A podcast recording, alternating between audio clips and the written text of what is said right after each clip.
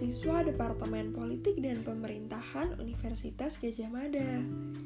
Nah, pada podcast perdana kali ini, aku akan membahas mengenai sistem dan institusi pemerintahan yang ada di Indonesia.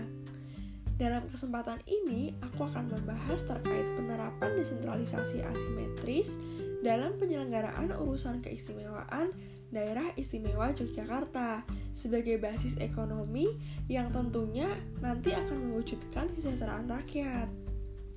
Untuk mengetahui lebih lanjut mengenai topik pada podcast kali ini, dengerin sampai habis ya. Penyelenggaraan urusan keistimewaan daerah istimewa berdasarkan Undang-Undang Nomor 13 Tahun 2012 pada prinsipnya itu merupakan penerapan desentralisasi asimetris.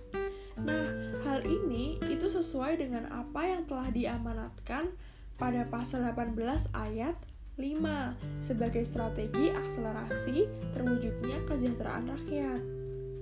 Sejak reformasi itu, Penerapan prinsip otonomi daerah dalam penyelenggaraan pemerintahan diwujudkan dalam otonomi yang berbeda, termasuk otonomi khusus daerah istimewa Yogyakarta. Dalam negara kesatuan itu sendiri, penyelenggaraan pemerintahan pusat di daerah-daerahnya itu dilakukan dengan dua sendi.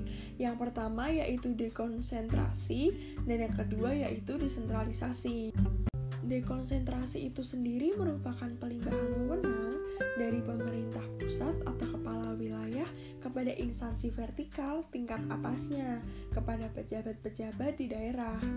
Penerapan asas dekonsentrasi itu akan melahirkan pemerintah wilayah yang berkedudukan sebagai wakil pemerintah pusat di daerah. Sedangkan prinsip yang kedua yaitu desentralisasi jadi, desentralisasi itu merupakan penyerapan urusan pemerintahan dari pemerintahan pusat kepada daerah yang menjadi urusan rumah tangga daerah yang bersangkutan itu sendiri.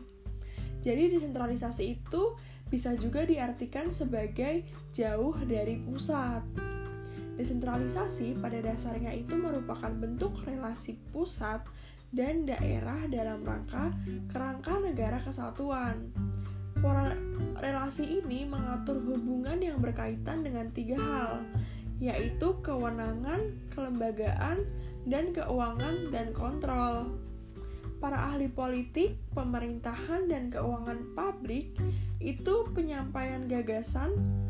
Mereka tuh menyampaikan bahwa pengelolaan sektor publik yang dilandasi esensi kebijakan dan kelembagaan plural dalam desentralisasi itu disebut juga dengan desentralisasi asimetris.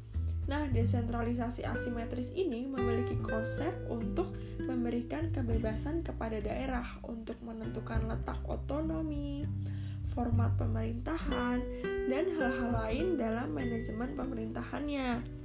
Yang tentunya uh, disesuaikan dengan kebutuhan daerah yang bersangkutan. Jadi dalam hal ini, pemerintah pusat tuh hanya sebagai fasilitator dan regulator kebijakan.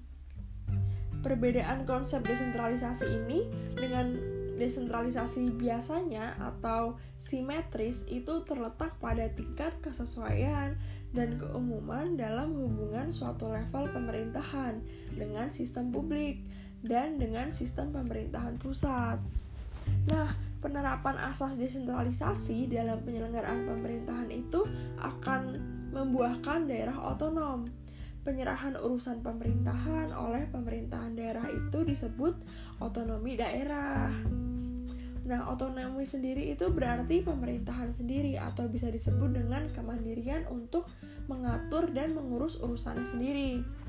Namun, uh, otonomi tetap berada pada batas yang tidak melampaui pemerintahan pusat, jadi masih di, di bawah pemerintahan pusat.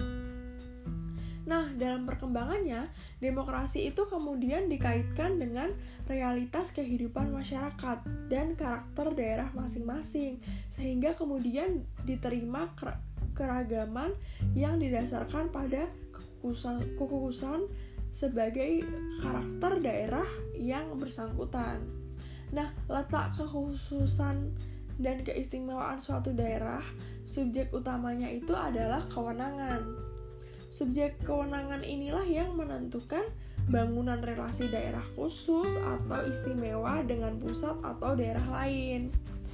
Jadi secara umum, penerapan desentralisasi asimetris di Indonesia tergambar dalam penerapan otonomi yang berbeda berbeda antara daerah provinsi, daerah kabupaten dan kota, serta antar daerah-daerah khusus atau istimewa.